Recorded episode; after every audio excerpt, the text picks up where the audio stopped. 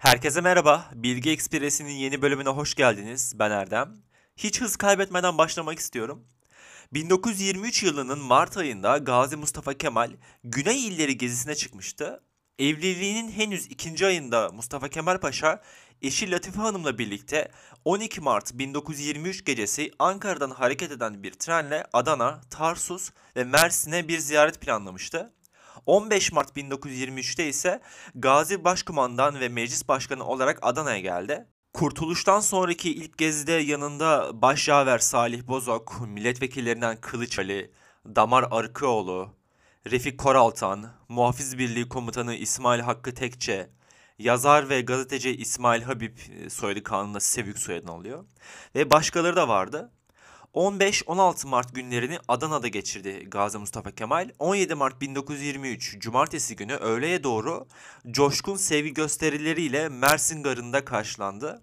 Tan gazetesi Gazi'nin Mersin'de karşılanışını şöyle aktarmış. Mustafa Kemal Paşa bugün öğleden evvel saat 11'i 45 geçe Mersin'i teşrif buyurdular. İstasyonda bilimum kasaba sükkanı tarafından istikbal edilen Gazi Paşa halkın mütemadi alkışları arasında daire hükümete azimet ederek ziyaretler kabul buyurmuşlar ve Mersin Oteli'nde şereflerine verilen bir ziyafette hazır bulunmuşlardır. İşgalin acı ve sıkıntılarından kurtularak bağımsızlığa kavuşmanın sevinciyle gururlanan Mersinliler, başkomutanlarını en içten duygularla karşılamaya gitmişlerdi Gazi istasyondan hükümet konağına yürüyerek gitmiş ve kısa süreli görüşmelerde bulunmuştu. Ee, Mustafa Kemal Paşa'nın şu an olduğu gibi ilerleyen yıllarda da daha ileriki podcastlerde göreceğiz.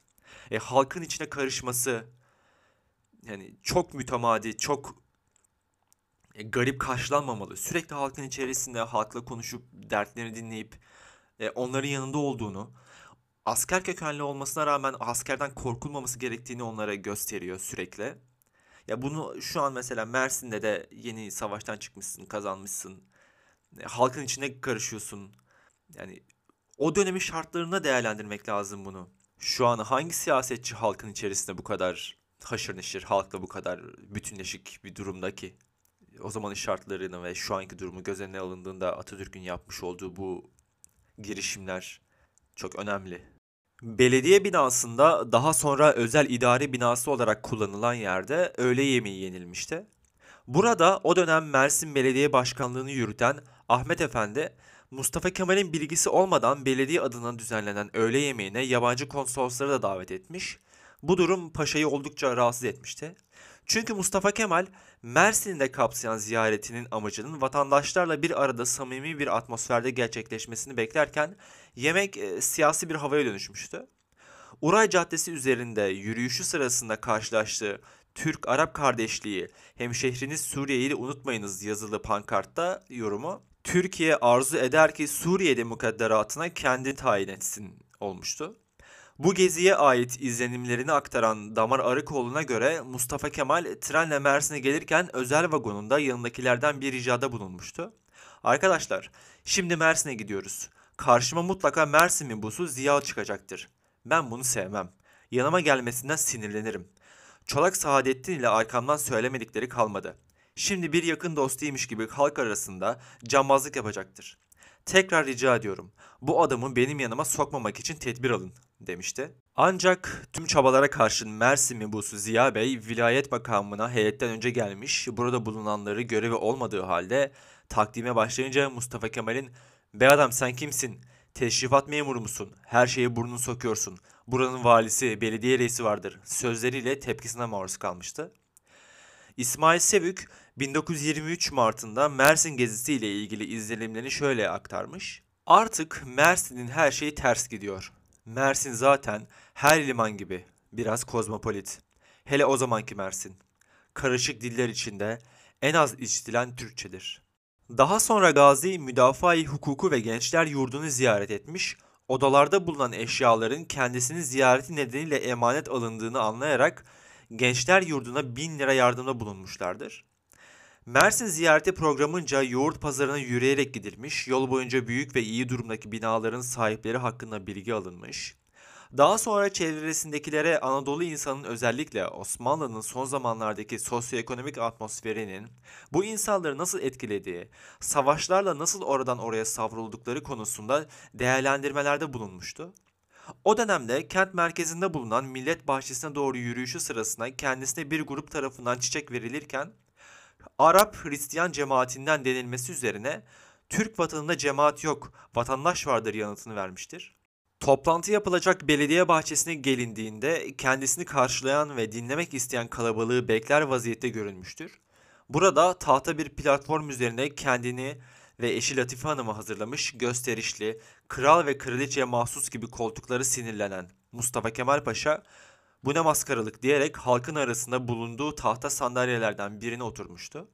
Tüm bu yaşanan tatsız gelişmelerden sonra Reşit Galip, Gazi'ye senin asıl büyüklüğün milletin bir ferdiyim diye övünmendedir diye başlayan kısa bir konuşma yapmıştır.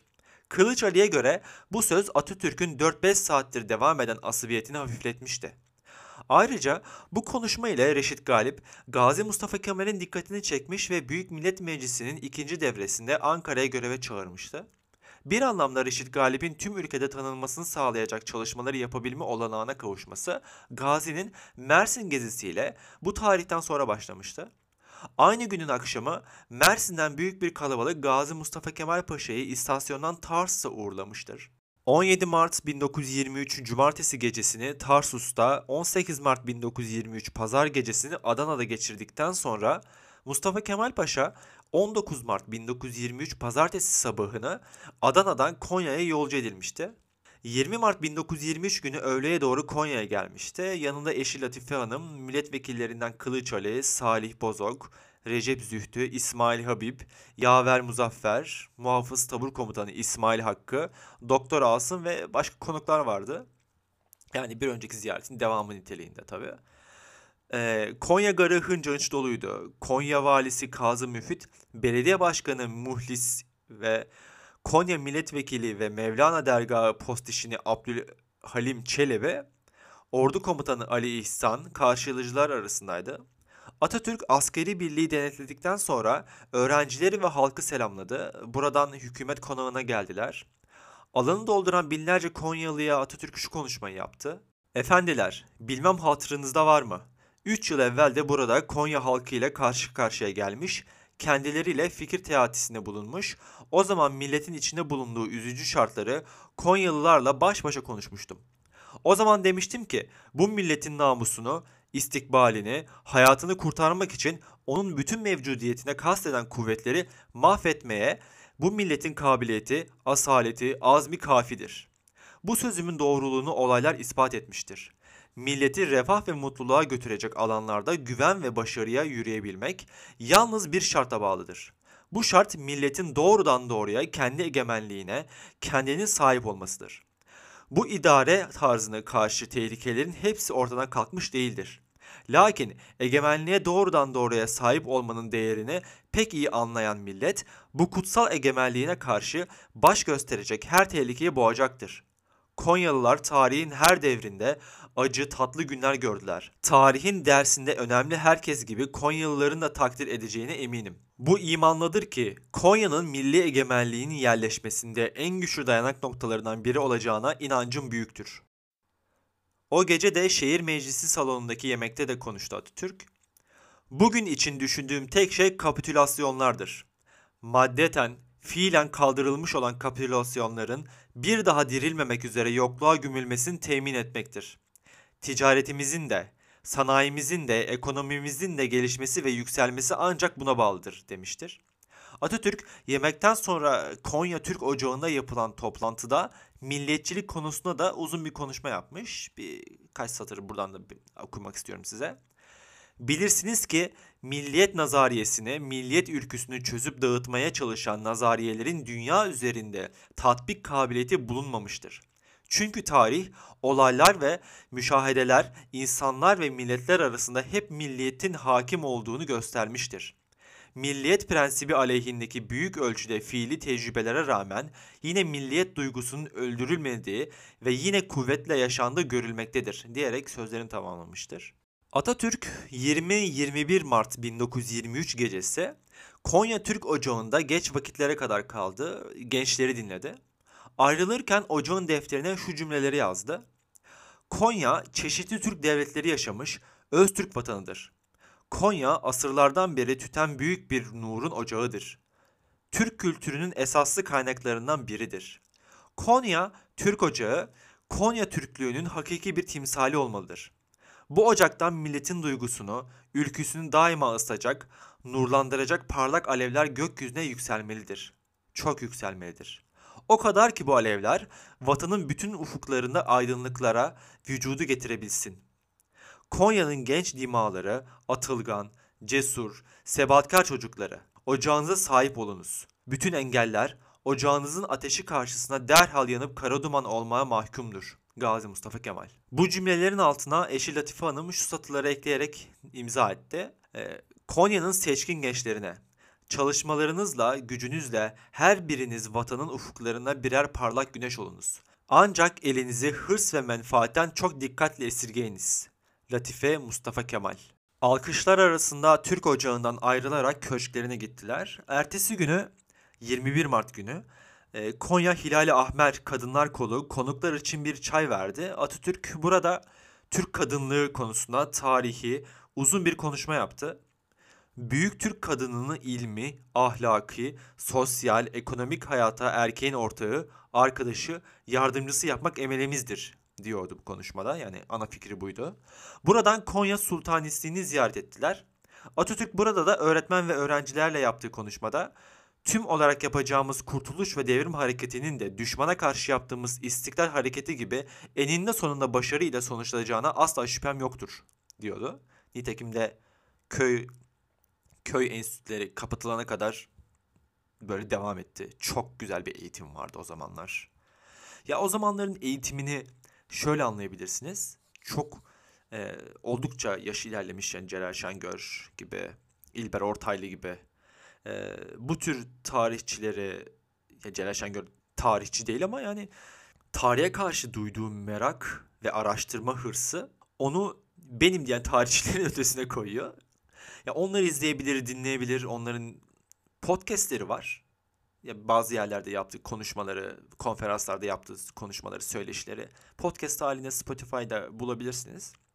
Onların hikayelerini dinleyebilirsiniz. Onların yetiştirildiği, onların da bir zamanlar öğrenci olduğunu unutmayın. Hani onlar da e, köy enstitülerinden çıkma öğretmenlerin e, ürünü. Ya bunları dinlediğinizde aslında tam olarak Atatürk'ün e, az önceki söylediğim Konya Sultanisi'nde yaptığı konuşmanın ne anlama geldiğini, neler başarmak istediğini ve köy enstitüleri kapatılana kadar Demokrat Parti'nin iktidarı, iktidarı gelene kadar neler olduğunu anlayabilirsiniz, görebilirsiniz. Yani şu an eğitim müfredatımızda coğrafyanın olmaması bunun en basit örneği olabilir. Ne kadar geride olduğumuzun.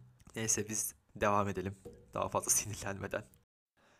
22 Mart 1923 günü Konya'da Mevlana Türbesi ve dergahını ziyaret eden Atatürk, dergahta yapılan Mevlevi semasını izlemiş, Mevlana için övücü sözler söylemişti.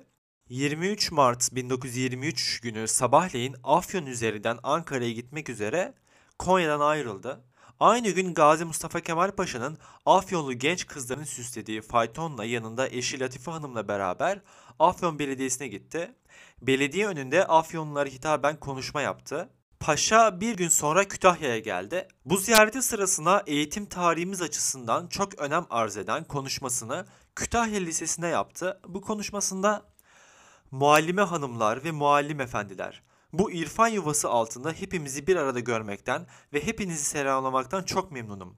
Memleketimizi, toplumumuzu gerçek hedefe, gerçek mutluluğa ulaştırmak için iki orduya ihtiyaç vardır. Biri vatanın hayatını kurtaran asker ordusu, diğeri memleketin geleceğini yoğuran irfan ordusudur. Bu iki ordunun her ikisi de kıymetlidir. Fakat bu iki ordunun hangisi daha değerlidir? Hangisi bir diğerinden daha üstündür? Şüphesiz böyle bir tercih yapılamaz. Bu iki ordunun ikisi de değerlidir.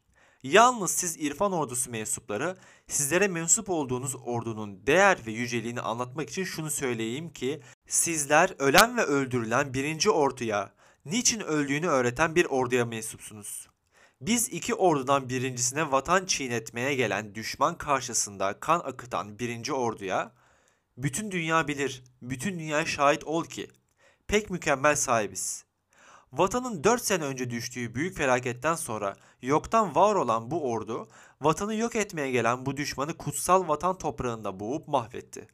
Yalnız bu orduya sahip olmakla işimiz bitmiş, gayemiz bu ordunun zaferiyle son bulmuş değildir. Bir millet irfan ordusuna sahip olmadıkça savaş meydanlarında ne kadar parlak zafer elde ederse etsin, o zaferin köklü sonuçlar vermesi ancak irfan ordusuyla mümkündür. Bu ikinci ordu olmadan birinci ordunun elde ettiği kazanımlar sönük kalır. Milletimizi gerçek mutluluğa kurtuluş ulaştırmak istiyorsak, bir an önce büyük, kusursuz, nurlu bir irfan ordusuna sahip olmak zorunluluğu da bulunduğumuzu inkar edemeyiz. Demekle yani bunları söyleyerek e, geleceğin imar edilmesinde öğretmenlerimizin önemini e, bir kez daha vurguladı. Biraz zaman sonra Mustafa Kemal 4 Nisan günü Ankara'da meclisteydi. Arada geçen sürede neler oldu pek bilemiyorum. Araştırdım fakat bulamadım maalesef. Kusura bakmayın. Bu bölümü burada noktalayalım. Bir sonraki bölümde görüşmek üzere. Bilgiyle kalın. Hoşça kalın.